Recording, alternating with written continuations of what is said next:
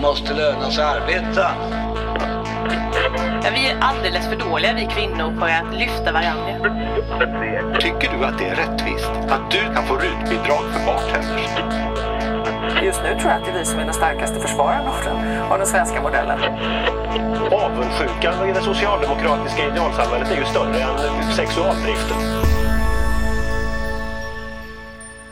Välkomna till Arbetsvärdens podd fredag den 6 april 2018. Arbetsvärlden är en fristående tidning som ges ut av TCO och eh, man kan följa oss på Twitter och Facebook om man vill eh, veta mer om vad vi skriver om. Tips i arbetsmarknaden. Hörni, idag så är vi i studion Samuel Engblom, precis som vanligt. Eh, samhällsekonomisk chef. Samhällspolitisk chef. Samhälls, Ja. Samhällspolitisk chef. TCO. Det är jag som är kvar i min gamla podd här som alltid hade en eh, chefsekonom. Mm.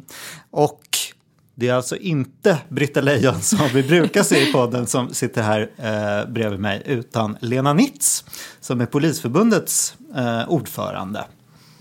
Tack, kul att vara här. Ja, vår specialgäst idag.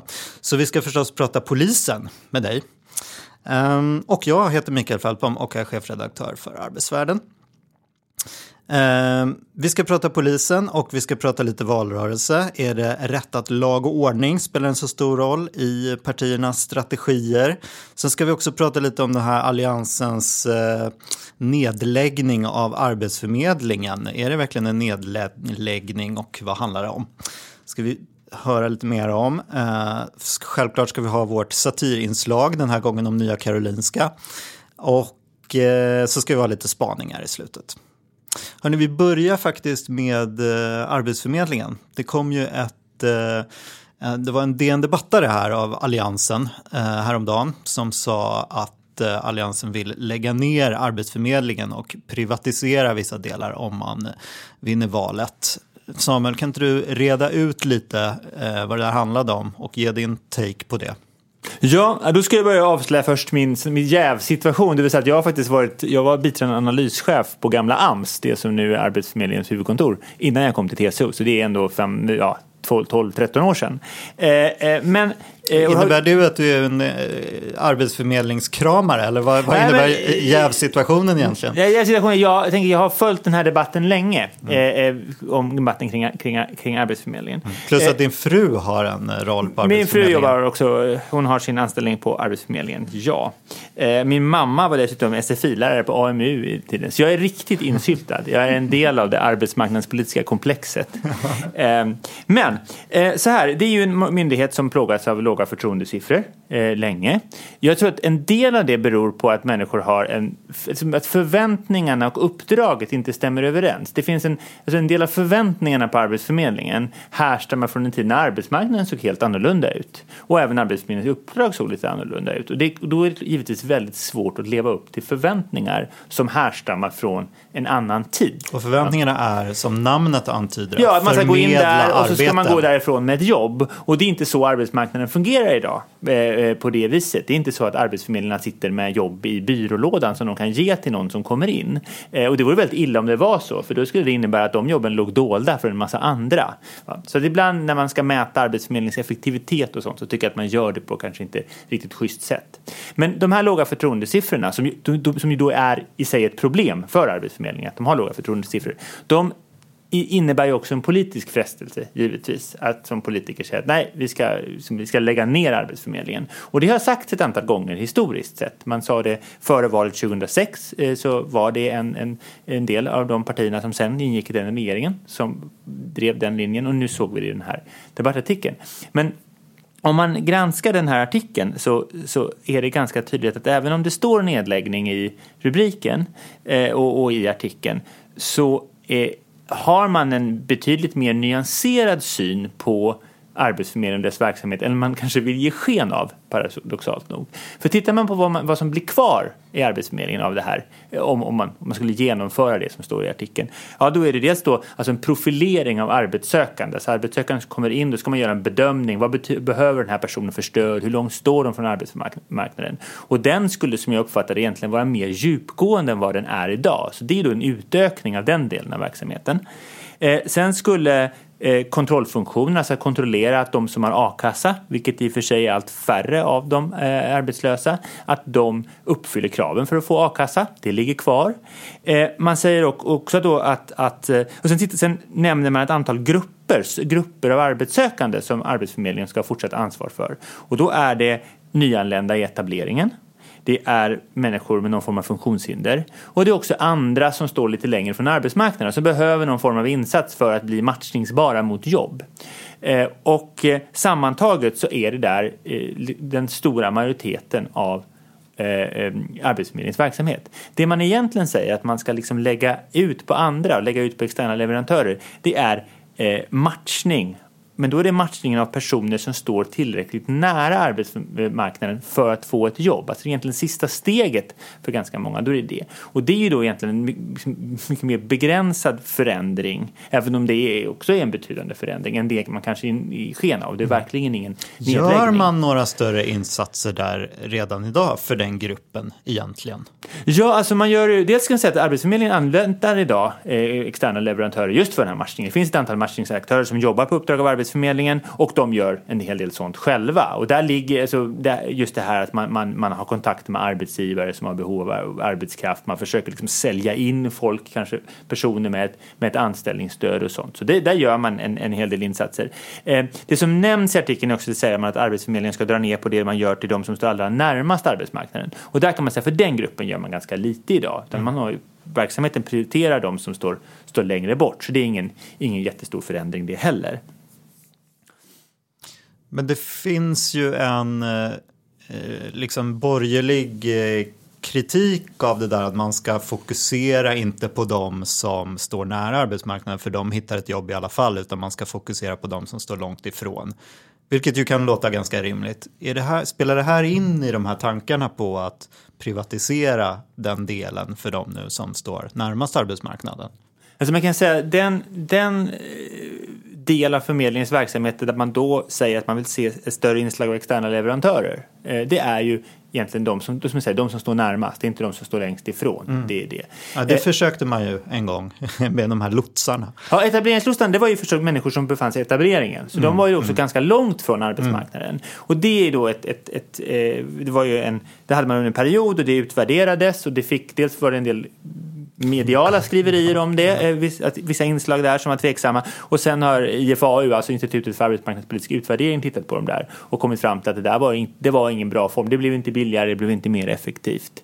Eh, och då kan man se, och det gäller eh, det finns också en del internationella exempel på det där man har lagt ut stora delar av Arbetsförmedlingens verksamhet och så har man då haft, det finns lyckade exempel och det finns mindre lyckade exempel men överlag så kan man väl säga att man har, man har skruvat åt många av de här systemen. Man, man, till exempel i Storbritannien så gick man från att ha väldigt många olika leverantörer till att betydligt färre leverantörer. Och i den här artikeln så, så skriver eh, Alliansen faktiskt väldigt mycket om hur de på olika sätt vill reglera de här aktörerna och kontrollera. Ja, precis, eh, och då handlar det om att det ska vara färre aktörer, hårdare kvalitetskontroll. Man måste ju då också ha ett väldigt bra system för hur betalningen ska ske som ger liksom de här aktörerna rätt incitament mm. och sånt. Och det kan man säga, då blir det åter en annan del av Arbetsförmedlingens verksamhet som då måste växa. Den här den, den upphandlings och, mm. och kontrolldelen.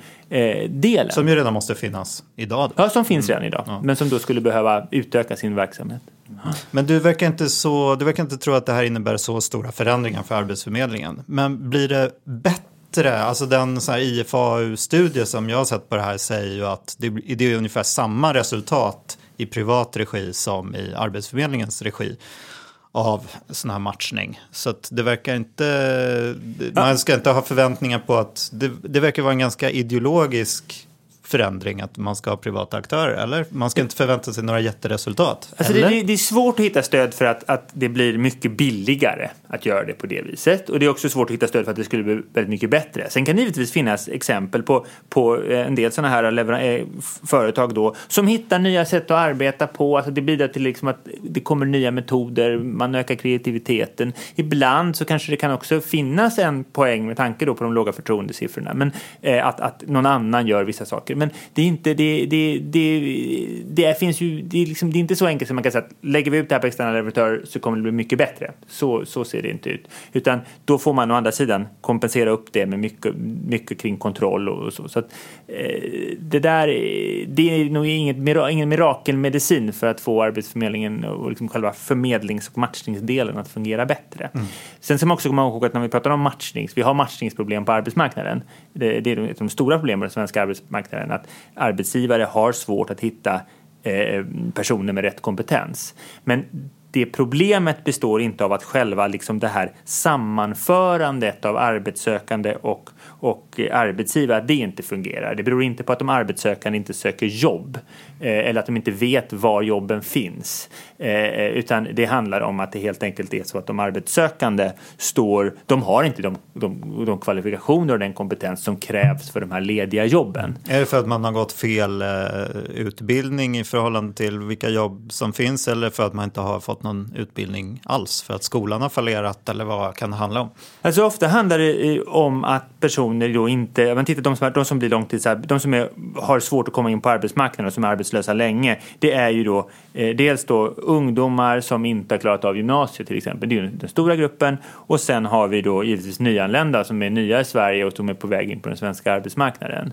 Eh, eh och där finns det då, i, de, de står inte så nära de här lediga jobben så att det bara handlar om, om, om ren matchning utan det handlar också om att bygga upp deras, deras färdigheter för att de ska kunna ta de jobben. Mm. Lena, har du några take på det här? Poliser har väl ingen arbetslöshet att tala om? Nej, och eh, själv har jag inte varit i närheten av Arbetsförmedlingen så det har jag inte. Men jag har en son som har gått ut gymnasiet nu och som har varit där och eh, han har väl i och för sig fått reda på hur han ska söka jobb. Men det jobbet han har nu, det har han ju fått genom kontakter med alltså en, en kompis som har gett honom de kontakterna. Så jag är inte rätt person att kommentera. Nej. Nej, men då tycker jag vi går in på polisen och eh, ditt område helt mm. enkelt. Du, eh, I veckan kom ju det här beskedet från eh, regeringen att man i vårpropositionen vill lägga 200 miljoner på extra, jag ska, jag ska läsa här så jag får det rätt.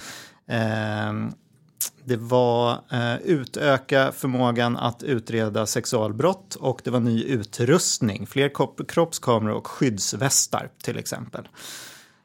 Det måste vara härligt att vara eh, fackförbundsordförande för polisen när, när man får sådana här löften och eh, stora satsningar på polisen. Är det, är det bästa tiden nu? Här, alltså, vi, vi är ju en akut eh, polisbrist just nu så att vi har det ganska svårt och, och väldigt ansträngt. Men just när det gäller de här frågorna så är vi, kan vi bara konstatera att man har lyssnat till oss. För vi har eh, verkligen framfört att de grundläggande behoven av ja, bland annat då personell eh, utrustning. Är, det finns ett stort behov av det och också för att vi ska klara av våra uppdrag.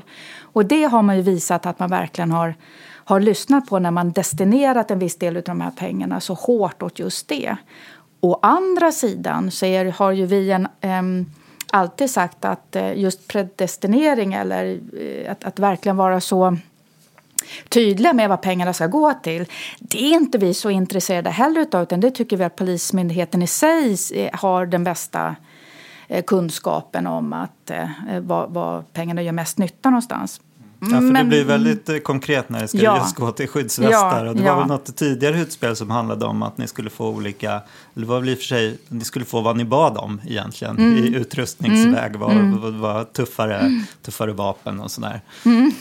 det finns väl en avvägning där såklart som du är inne på. Att ja, det är kul precis. med pengar men det är kul att få bestämma själv. Och den här gången så, så riktar de det rätt. Mm. Liksom så. Men ja, det finns ju båda delarna där. Du, eh, det här fokuset i valrörelsen på lag och ordning. Mm. Är ni, eh, jag misstänker att ni är jätteglada över det förstås. Eh, för att det sätter fokus på er verksamhet och så. Finns det en, hur glada är ni och finns det, finns det en risk också att det blir för mycket lag och ordning och att det blir, spelar över i det här att det är så brottsligheten mm. inte kan, att ni inte kan hantera brottsligheten och att brottsligheten ökar och att folk blir oroliga i onödan. Mm. Och att, det, att man kanske beskriver, alltså svartmålar själva eh, hur situationen ser ut och sådär. Nej men att människor känner sig trygga det är ju en, ett, ett grundfundament i ett välfärdssamhälle och Eh, det, det, vi kan konstatera det är ju att människor känner sig mer otrygga nu och att, man, eh, eh, att, att förtroendet för polisens förmåga att utreda brott till exempel går ner. Det visar ju Brottsförebyggande rådets senaste nationella trygghetsundersökning och så vidare. Så anledningen till att det är fokuserat på våra frågor, det är ju inte bra om man säger så. Däremot är det ju så att Ehm, att, att polis, polisverksamheten i sig på många delar har varit eftersatt under lång tid. Och Det gör också att vi inte klarar det uppdraget så som man har, ska kunna kräva av oss. Och, därför, och det börjar visa sig nu. Och Det är därför det är sån fokus på, på våra frågor. Jag tycker att det är bra, för att det är inte förrän det är fokus på det som man faktiskt också gör någonting åt det. Och det är det som måste göras nu. Mm. Um, vad tänkte jag på? Jo, men varför vill så få bli poliser? Mm. Och det var precis gjort en, en undersökning bland studenter till exempel mellan 18 och 35 år tror jag att de var. Och där säger var tredje student att de tycker att polisyrket verkar spännande och skulle kunna tänka sig bli poliser. Men um, det är lönen och det är arbetsmiljön som gör att de har valt någonting annat eller känner sig tveksamma till det i alla fall. Och det där är ju en väldigt tydlig signal till vad man måste åtgärda för att få fler att söka polisutbildning. Det är ganska många som söker, men om vi säger så här, rätt då, eh, som, som, kravar, som, kravar, som klarar kraven mm. att söka. Um, och det här uh, har ju vi pekat på länge. Vad är det för fel på arbetsmiljön då? Ja, alltså det, den är, har blivit hårdare. Det har blivit tuffare. Men framförallt är det ju så att med anledning av att vi har polisbrist så är arbetsbelastningen väldigt tung. Och det kombinationen med att vi eh, fortfarande har, eller att vi har för låga löner idag gör att både det är fler poliser än de senaste åren som har lämnat polisen till andra yrken Eh, och arbetsplatser är mer än vad vi haft någonsin. Och också att vi inte klarar av den trenden att vi inte klarar av att fylla platserna på polisutbildningen. Det är en stor utmaning. Till detta kommer nu också att, att, man, att regeringen har bestämt att vi ska öka med 10 000 fler medarbetare. Alltså en historisk ökning på historiskt kort tid det är en utmaning som eh, är den största vi har haft tror jag. Det pratas ju mycket om liksom var bristen egentligen är. Är det administrationen eller är det folk ute på gatorna eller är det åklagarna? Det var en, ett inlägg senast idag i DN där man sa att problemet inte är att det finns för få poliser utan problemet är att det inte finns åklagare som kan ta fallen vidare och sådär. Hur ser du på det där? Nej, men jag tror att det, det är brister på poliser. Det tror jag ingen eh, kan egentligen säga någonting annat om. Men det är klart att Eh, finns det för få åklagare som kan ta hand om de ärenden som vi ändå lämnar ifrån oss då, så är det ju en brist på åklagare också. Det ena förtar ju inte det andra. Eh, men däremot tror jag att man måste se det i sin helhet. För om man nu ökar och satsar resurser på att öka förmågan hos Polismyndigheten så är det klart att då måste även de andra rättsvårdande myndigheterna hänga med som åklageriet och domstol också för den delen. Kan man... Eh, vad jag förstår så är det lite effektivitetsfrågor som cirkulerar. Alltså det är både färre brott som eh, behandlas överhuvudtaget mm. och eh, lite färre brott som får en uppklarning, en lösning. Är det, är, har ni blivit mindre effektiva? Ska vi, eller om, man, om man tittar på överlag ju, så är det ju så att det att, att eh, bristen får sina konsekvenser. Sen har vi också sett att själva alltså, mm, eh, brottsligheten, man ska säga kriminaliteten, utvecklas. Alltså vi, har, vi har haft en ökning på grov organiserad brottslighet och gängkriminalitet. Vi ser att det 2017 så har vi fler skjutningar, om jag bara tar ett exempel då, mm. fler skjutningar än vad vi haft tidigare. Eh, och det här är ju både eh, i sig att, att utreda de brotten eh, tar ju oerhört mycket eh, kapacitet. Men har det inte varit så historiskt då? Att brott, det är väl en katt och råtta-lek föreställer jag mig. Att brottslingarna blir smartare och poliserna blir smartare och så tar man det där vidare liksom. Ja, Vad är det som har hänt nu? Varför har ni liksom Nej, jag skulle hamnat vilja... efter? Ja, det finns olika anledningar till det. Men, en, omorganisationen har varit en del utav det. Att vi har varit så att vi har, det har, vi har tappat i kapacitet. Vi har blivit många färre. Då tappar vi i kapacitet. Eh, och kriminaliteten i sig har ju blivit både grövre och har också utvecklas är ju faktiskt ett positivt ord. Men alltså... Ja, men har ju, eh, har ju utvecklats i fel riktning att säga. Och det här sammanlagt gör ju att eh, resultaten blir sämre. Har du någon eh, Nej men det är väl så här att, att, som jag, det finns väl internationella exempel just att, att människors upplevelse av brottslighet i samhället och otrygghet kanske är mer, eh, har mer samband med hur media rapporterar om det än de verkliga siffrorna. Sen kan ju vara verkliga siffrorna, alltså brottsstatistik, den är ju som Lena säger, den är jätteknepig. För att bara det här ja, att fler brott av en viss typ anmäls, det kan ju handla både om att det begås fler brott men också att folk säger att folk, nej, jag ska inte stå ut med det här. Eh, och så får, går den upp. Eh, uppklar, det här man kollar på fällande domar, det kan mm. ju bero på helt andra saker än, än på, på egentligen hur, hur, hur väl säga, eh, polisen lyckas med sitt arbete. Mm. Eh, och sen eh, är det då som Lena beskriver också, så, så mycket som inte fångas. Mm. Liksom, hur en brottstyp förändras i sitt... Eh, och det här också koncentration. Alltså hur är det här... Eh, det, som du säger, det kan ju vara så att det, de, många upplever, alltså är mindre utsatta för brott, begår mindre brott, stora grupper. Men så finns det en liten grupp eh, som begår mycket mer brott. Mm. Eh, eh och, och, då kan det ju ge jättestora utslag i statistiken och framförallt få väldigt mycket uppmärksamhet. Mm. Eh, eh så det, nej, det, det är ju sån här eh, riktig statistikfälla. Man kan visa väldigt mycket. Men då gäller det väl att vara så pass insatt att man kan se den här helheten som Lena beskriver. Det finns ju någon bild, eller liksom när, när en polis säger att brottsligheten blir hela tiden grövre då tänker man ju lite undermedvetet så här, men har polisen inte alltid sagt så? Mm-hmm. Mm. Man säger alltid så här, det blir värre, det blir fetare och fetare vapen och det går längre och längre ner i åldrarna. Alltså det, det finns ju någon så här lite moralpanikkänsla över det där också. Åh, nu, nu säljer tolvåringarna mm. droger på stan liksom. Förut var de åtminstone 15 år, nu mm. är de 12. Är det Ska man tänka så när man lyssnar på dig eller har du stenhårda fakta på att eh, det, har liksom, det har verkligen blivit värre? alltså ja, vi kan ju bara egentligen förmedla eh, de röster, så, alltså våra medlemmars röster och deras upplevelse och det de jobbar i, den verklighet de jobbar i och, och så. Eh, och det är väl där också som det är viktigt att titta just på eh, både vad vad de upplever som och sen också vad som verkligen händer.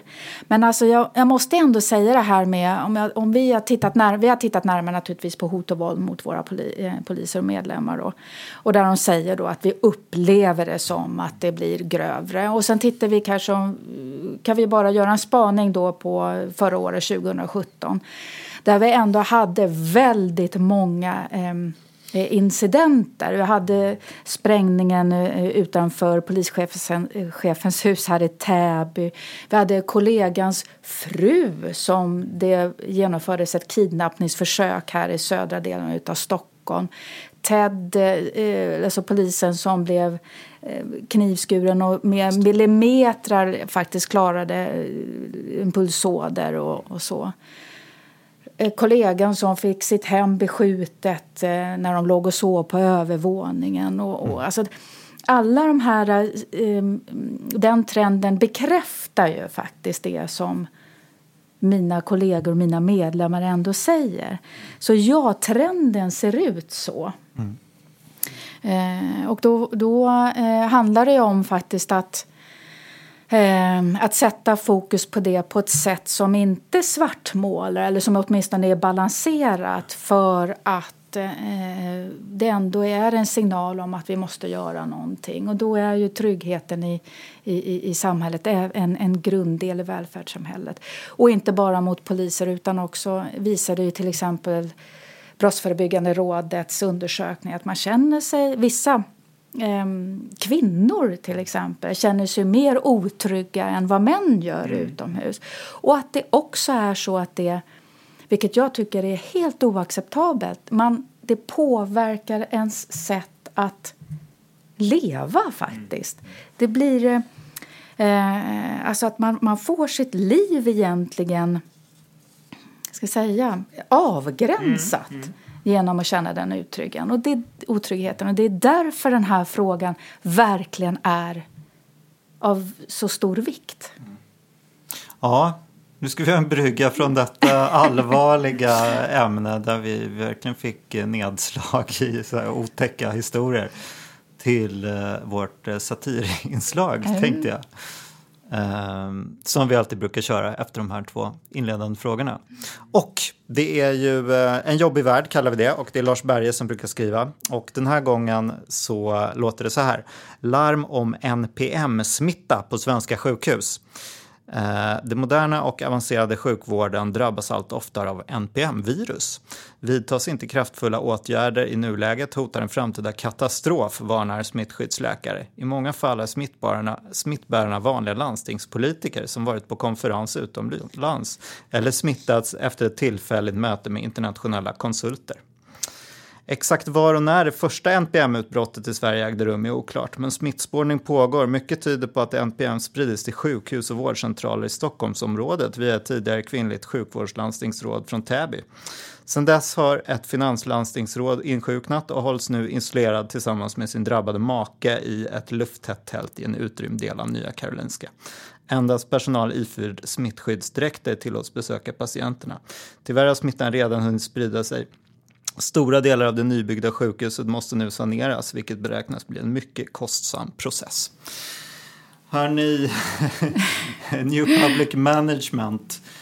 Eh, alltså, tänk, man kan tänka bara på det här senaste utspelet om skolan där man skulle, eh, vi diskuterade väl inte det i förra podden för det kom för sent, men eh, det finns ju en uttalad idé hos regeringen att New Public Management tar bort bort eh, liksom, eh, professionens inflytande över verksamheter. Och det finns en tillitsdelegation som Ardalan Shekarabi från honom som ska titta på det där. Samtidigt så går man då ut till exempel med ett utspel inom skolan som går i helt motsatt riktning där man säger, där man verkligen detaljkontroll, att man ska ha eh, kontrakt för ordning på nation, nya ordningsregler på nationell nivå, förbud för mobiler och så vidare.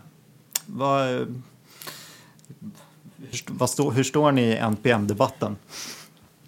Oj, men jag kan säga för polisen, där har vi både varit eh, kontaminerade och, och insjukna. Vi har också haft New Public Management eh, och det, vi har sviter av det fortfarande. Alltså Trots att, man, att ni inte är konkurrensutsatta? Ja, men alltså man har alltså mätt oss på ett sånt sätt så att man mäter produktion istället för eh, alltså resultat. Alltså antal eh, ut, alkoholblåsningar istället för att man tar rattfyllor. Så, va? Men, pin, den gamla pinnjakten. Ja, mm. precis. Och det var ju liksom ett utslag utav det. Men där tycker jag vi är under tillfrisknande faktiskt. Mm. Jag har varit med om att konstruera sådana här mål då när jag var på AMS många år sedan. Mitt första uppdrag, min andra dag på jobbet så fick jag reda på att vi skulle, jag skulle då leda framtagandet av ett nytt sånt här Eh, kvantitativt mål för Arbetsförmedlingen. Och det är ju väldigt svårt eh, att försöka sätta sådana kvantitativa mål på ett bra sätt. Och då upptäckte man direkt i den processen att då var det okej, okay, då säger vi att nu, nu, mäter vi det här och sätter vi ett mål på det. Och sen så här, men vänta nu, vad, finns det då, vilka sätt kan då det här målet uppnås på? Och då finns det alltid ett antal icke önskvärda sätt man uppnår på, målet på. Vi, vi sänker arbetslösheten genom att, eh, att putta ut folk utanför arbetskraften. För söker de inte jobb räknas de inte som arbetslösa. Mm. Eh, då. Så vi, mm. ja, då måste du stänga den dörren. Va? Eller så att det här, det här målet, man kan, vi har säger att sätter ett mål på att ni ska, nu ska ni göra, ni ska anvisa folk till jobb med hög kvalitet, liksom, ni ska använda mycket människor till jobb, det är viktigt. Men då säger nej, det är att bara folk bara söker vilket jobb som helst, det finns ju ingen poäng. Ja, då måste vi kompensera det med att vi lägger in en till variabel som är hur många får jobb, alltså träffsäkerhet.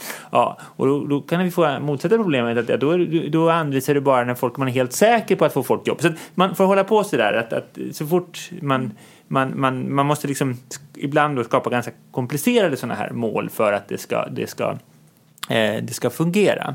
Eh, eh, men det sagt om det. Sen tror jag, du tog exemplet här med, då, politikerna, eller regeringen som ena sidan då tillitsdelegation och vi ska bort med New Public Management och sen nästa sekund så är man inne och säger att vi ska på nationell nivå reglera någonting som eh, då typiskt sett är något som skolorna själva ska, mm. man kan bestämma på skolnivå. Och lite som Lena var inne på det här att vilken utrustning man ska ha. Egentligen är det här borde vara beslut för, för, för eh, Eh, som, som, som fattas av, av mm. myndigheten och ibland till och med liksom inte ens på central nivå på en myndighet utan det är någonting som ska fattas ganska lokalt. Och här kan vi säga att den här valrörelsen kommer ju bli ett test på hur klarar politikerna av den här. För att å ena sidan det efterfrågas konkreta tydliga utspel. Va? Mm. Att vara den som bara säger nej det där är en fråga för, då, då blir det halt. Så du är emot. Du, du tycker att det är bra att eleverna sitter och tittar i mobilerna mm. hela. För du vill inte förbjuda det. Eh, eh, och det, det där, jag är oroad. Alltså, där jag är genuint oroad för många av TCO-förbundens medlemsgrupper. Som å ena sidan då, som det är stort fokus på. Vi har stort fokus på vården också, mm. stort fokus på skolan, på polisen. Det är jättetrevligt på många sätt och vis. Men det, det blir ju också det här att ja, politikerna blir för intresserade mm. eh, eh, så ja. kan det bli problematiskt mm. för verksamheten. Därför att då ska de ner och säga exakt hur den ska bedrivas. Ja. Då ska de möblera klassrummen och då ska de säga exakt vilka, vilka, vilken utrustning man ska ha. Eh, och där. och då, det, då blir det en detaljstyrning som dessutom inte bara då är en detaljstyrning utan en fläckvis detaljstyrning. Mm. Och en fläckvis detaljstyrning den kan ju då eh, precis som sådana här olämpligt formulerade produktionsmål mm. innebär att man får fel fokus i verksamheten. Mm. Men har man, men ibland måste man ju ha, ibland, man måste ju ha mål att mäta mot om man har konkurrens. Alltså jag tänker på den andra varianten med skolan är det här med nationella prov. Mm. Nu har man ju en tanke om att man ska inte lägga så stor vikt på nationella prov och man ska inte mm. låsa betyg vid nationella prov. Och det blir också väldigt märkligt när man har fritt skolval och man har uppenbarligen problem med att skolor har incitament att, eh, för betygsinflation.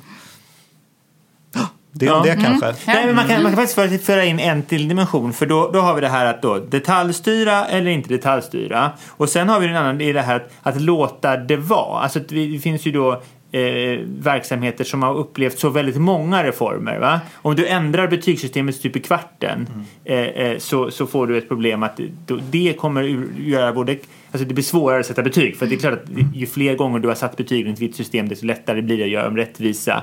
Eh, mm. det skapar svårigheter i, i, i, i antagningssystemet. Alltså, du kan inte, ibland måste du också våga låta verksamheter vara, låta det verka igenom. Vi kanske inte har det perfekta systemet för den här verksamheten. Men vi måste faktiskt låta det eh, eh, liksom, vi, ha sin gång. Ha liksom. sin gång ja, och det där i dagens politiska eh, landskap tillåter inte riktigt det. Eh, eh och det börjar bli väldigt tydligt i den här valrörelsen. Man skulle ju kunna NPM-mäta även politiker tänker jag då, alltså i politiska förslag så. Jag kan bara ta ett exempel, för jag märker av stressen när vi har den här polisbristen till exempel, gör ju att, att antalet politiska förslag om hur man ska lösa den här är ju i, i, i, i topp just nu. Mm. Bara det står polis, alltså ja men då ska vi ha beredskapspoliser, militärpoliser, kom, kommunala poliser och så vidare. Så, så att det där just med, med, med antal och mäta det skulle man faktiskt kunna köra på, polit på politikerna också kanske. Jag vet ja. inte. Kreativt förslag. Mm. En annan idé som jag har haft just i det här, det var i samband med det här mobiltelefonförbudet.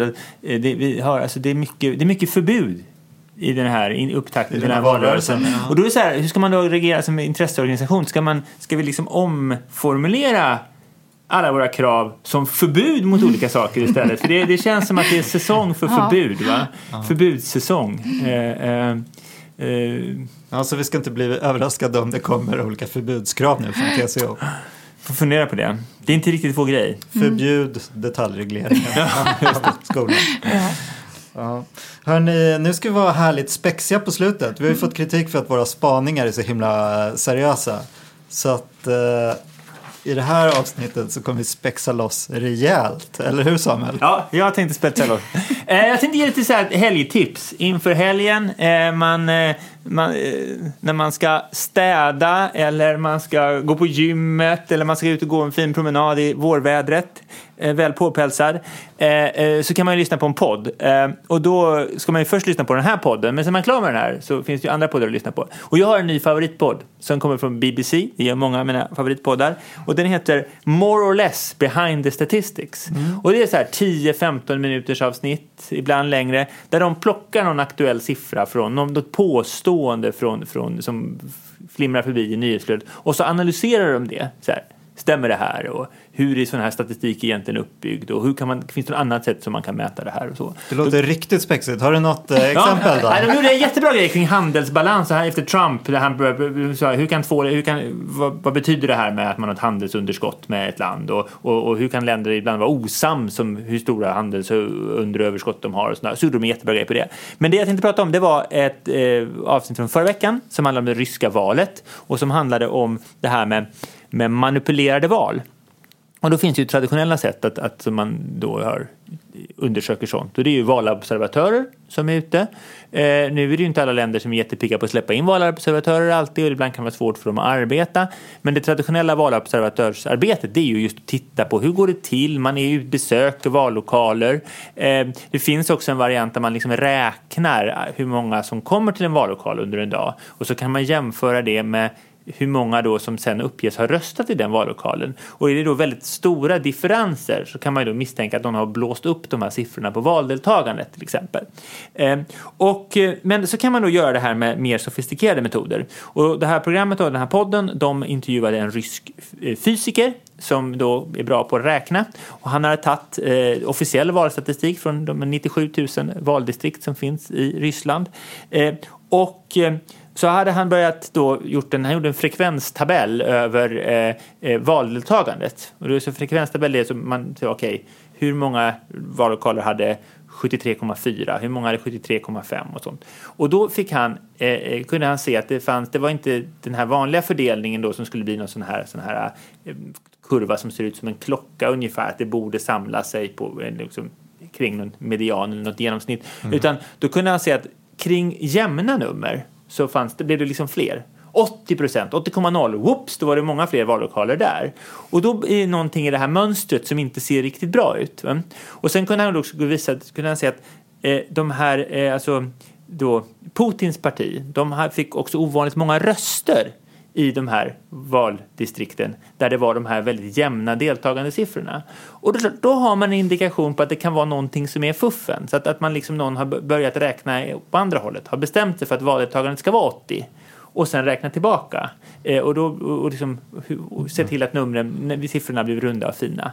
Eh, och det var liksom ett, ett sätt då, eh, det här bygger då på att givetvis att man fortfarande publicerar statistiken, men ett alternativt sätt när man inte kan få ut valobservatörer och sånt, utan man undersöker mönster. Och då, det är, alltså det här manipulera siffror, eh, eh, det, är inte, alltså, det är inte lätt för att det går att upptäcka. För de manipulerade siffrorna ser aldrig ut som, de, som äkta. Det låter ju faktiskt kul. Det var inte ett, den här BBC-podden var inte ett inlägg i den här pågående Salisbury-katastrofen då? Mellan nej, den var inte det. Eh, Storbritannien den, och Ryssland. Nej, den var, det, ska, det, det ska väl vara osagt, men det tror jag inte. Eh, det får man gå in och mäta då hur många, hur ofta tar de upp, då skulle man visa så här, hur mycket tar eh, den här typen av poddar och program. Hur mycket säger de negativt om Ryssland? Ryssland. Och, och, och, så försöka korrelera det då med, med när i tid sånt här sker. Sånt kan man ju, om man vill, tänka om man vill, om man vill undersöka hur medier beter sig så kan man ju givetvis göra, göra sån statistik. Med inspiration av denna podd. Mm. Ska jag köra min spaning då? Eh, så får du lite tid på dig. Mm. Ja, jag har ju missuppfattat den där, så jag tar min i alla fall. Jag trodde ja, väl mer att det var att det handlade om någon sådär, du får presentera någon favorit som är din och så vidare med ja, koppling till det, det du jobbar med. Ja, det var ju min favoritpodd, ah, okay, sen var den ja, det. som den var. Rolig. Ja, precis. Ja, men då kör jag den. För att jag, jag tycker ändå, liksom, jag hör så många, det, det, man pratar om att man tittar på Netflix och det Netflix hit och Netflix dit. Och i sådana fall, då, om man nu gör det och tittar på Netflix, då har jag en, en som jag rekommenderar med en fantastisk eh, eh, serie som heter River. Och det är Stellan Skarsgård. Det är en brittisk eh, eh kriminalserie med Stellan Skarsgård i huvudrollen. Och, som, eh, och den ser jättetråkig ut när man ser eh, själva du vet, de här, de här bilderna. Man ska bläddra och se vilken film och så ser den jättetråkig ut och så bläddrar man vidare. Men och missa för guds skull inte den. Den är fantastisk, väldigt känslosam. För mig är den också, det säger väldigt mycket hur viktigt det är med sin närmsta kollega, hur mycket den närmsta kollegan betyder, han kvinnlig närmsta kollega och hur man lever liksom tillsammans och för en, en diskussion och så vidare. Jag har sett den tusen gånger, jag kommer se den tusen gånger till. Så den är varmt rekommenderad. Men den är inte särskilt spexig, det är den faktiskt inte. Jag har faktiskt sett den. Jag tyckte ja, den var jättekul. eller hur? Mm. Ja. Nej, rolig är den inte. Men den är väldigt känslosam. Ja, eller tyckte fin. den var rolig? Ja, men, ja. Men, men, men Lena, hur är det som, alltså, som polis att se kriminalserier? Ja. Hur ofta... Re, alltså, jag, jag, jag tänker så att du kanske har liksom en högre ribba Mm. för sådana där än vad vi andra har. Å ena sidan så tycker du alltså, givetvis sånt är spännande men jag tänker just där att det kanske ofta inte är särskilt realistiskt eller de beter sig konstigt och sådär. Hur, hur ofta liksom bara slår du av mitt i en serie bara för att du Det har hänt några inte- gånger. Ja. det har hänt några gånger. Men, men, ja, men jag tittar väldigt mycket och lä, alltså det är det som jag tycker också jag måste, jag måste bredda mig lite. Men jag, jag tittar väldigt mycket på kriminalserier, jag läser väldigt mycket sådana böcker och så vidare. Och så. Men visst, ibland blir man ju galen, du vet när de säger hallå, när de är, alltså, du vet, det, i radiokommunikation. Alltså det är sådana detaljer som man bara känner, det är då man knäpper av. att Den här är inte, Nej. eh, den, den här, det, det här är ingen bra research. Har du någon favorit, någon- din svenska favoritpolisserie? Ja, men det är Beck. Okej. Det är Beck. Det är alla kategorier. Jag tycker också om den här... Eh, eh, alltså de nya Beck-filmerna också. Så jag tycker de har fått en ny start faktiskt. Men, och hur som helst. Så, så missa inte River och missa inte Stellan Skarsgård. För jag tycker att den är en, det är en fantastisk serie alltså. Bra, min spaning då. Jag ska verkligen inte spexa till det utan vara astråkig. Eh, jag läste ju, eller jag flimrar ju förbi i Dagens Industri alla de här uh, böterna mot kartellbildning i lastbilssektorn. Uh, åtta... Nej, det var inte roligare. Nej. Det, här är, det här är viktigt. Ja, det är här är viktigt. viktigt. Det det är är ett viktigt område Ja, eh, för samhällsutvecklingen. Eh, över 8 miljarder till Scania, över 6 miljarder till, eh, till Volvo. Det är, ungefär, det är vad de gör på ett och ett halvt kvartal ungefär i vinst. Då. Eh, men i alla fall, de har ju samarbetat då enligt eh, e EU-kommissionen är det väl som har eh, anklagat dem för, med, pri, kring priser och kring eh, olika teknik för utsläppsrätter och sådär. Och hela den här det här liksom får mig att tänka på ett gammalt, eh, en gammal käpphäst som jag har. Det här med att konkurrera, alltså i näringslivet generellt, att eh, företagskoncentrationen ökar. Alltså de här stora giganterna får allt större inflytande. Alltså det, är ju, ja, det har ju uppmärksammats väldigt mycket i USA där också EU-kommissionen har varit på och fällt Google och gett dem massor miljardböter och sådär. Eh, och att ja, Amazon, Google, eh, Facebook, alltså de har extrema monopol på eh, både hur vi använder sociala medier och hur vi handlar på nätet och eh, framförallt reklampengarna som går in i, i branscher. Jag kollade lite på hur de största eh, företagen har utvecklats i Sverige. Och det visar sig att de Ja, det, det är egentligen oavsett om man kollar på de 10 största börsbolagen eller de 20 största så har deras omsättning ökat med ungefär eh, 20 procent eh, från eh, 2007, alltså precis här före, före finanskrisen. Och Sveriges BNP som helhet har ökat med 15 procent.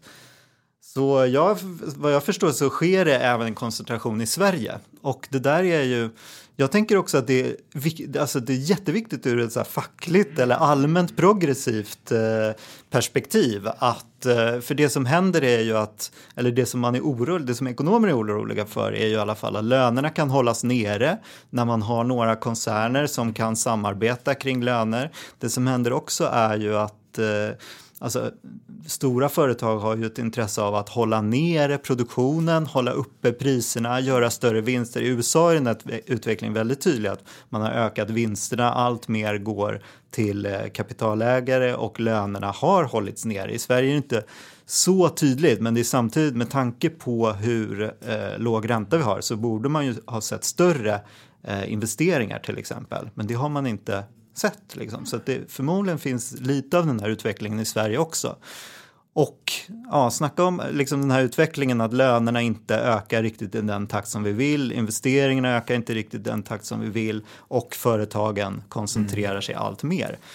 Det där är ju en eh, stor fråga liksom, ja. ekonomiskt. Alltså det, det, jag tycker det är intressant, eh, alltså den amerikanska 1900-talshistorien, där har ju liksom trustbusting en ganska stor plats.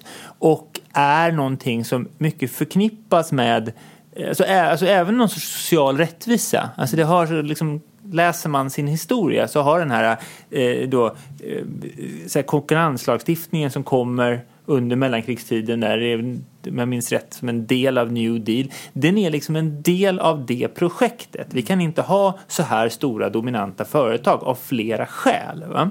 Eh, jag vet också att det finns ny eh, arbetsmarknadsforskning i USA som har tittat på till exempel Kmart och hur de kan dominera arbetsmarknaden lokalt på vissa ställen och att det då har liksom, oönskvärda effekter för, för arbetstagarna.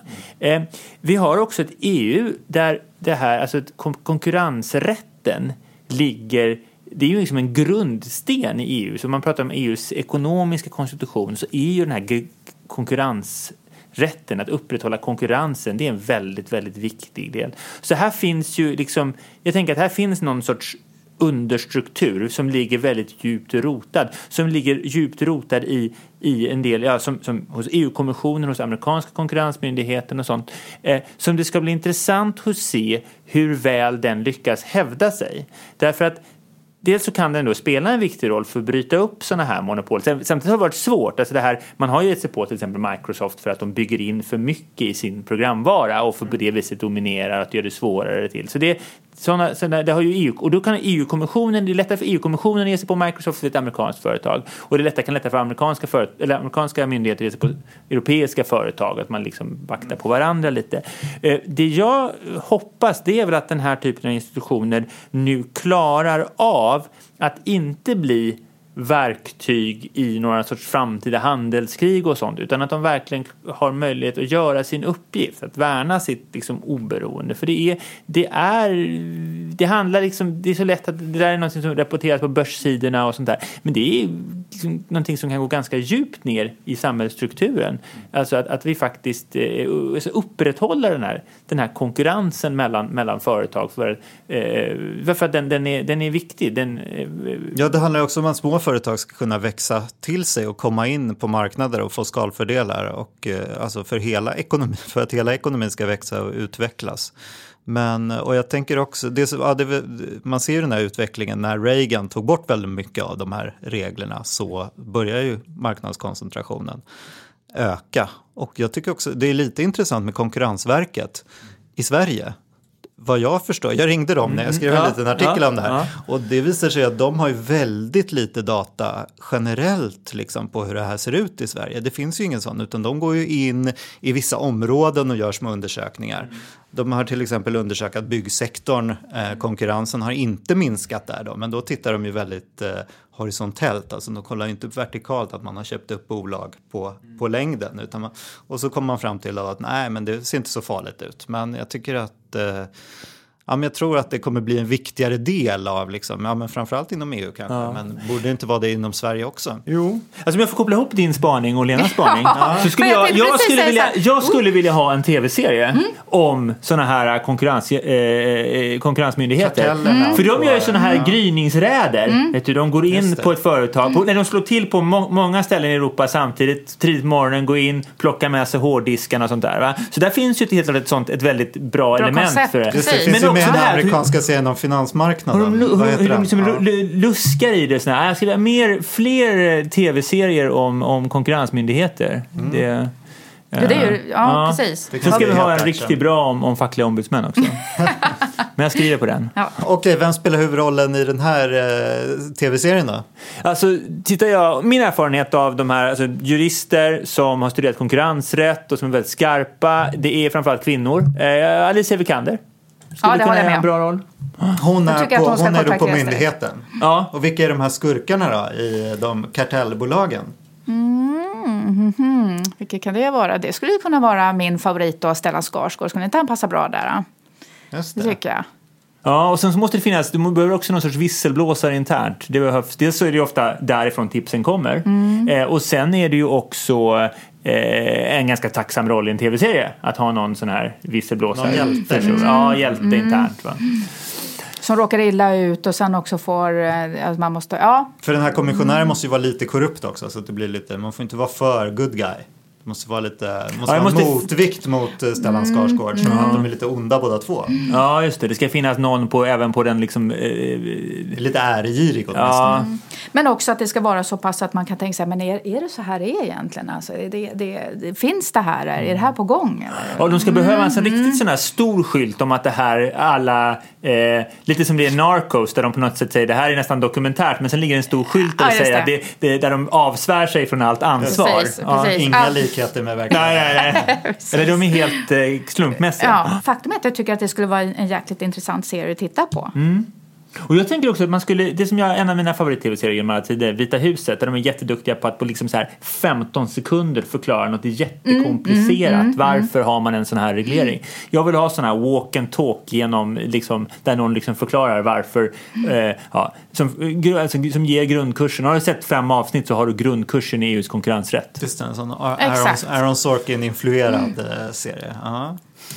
Ja, nej, men den där väntar vi på. Hörni, eh, man kan lyssna live på oss, man kan lyssna i sin eh, poddapp och eh, man kan också berätta vad man vill höra om i den här podden framöver. Eh, på, till exempel på Facebook och Twitter. Och eh, man ska också ge oss betyg i iTunes om man gillar den här podden. Hörni, supertack till Lena som var vår gäst idag och eh, vi säger hej då för den här gången. Tack för idag. Tack. Tack.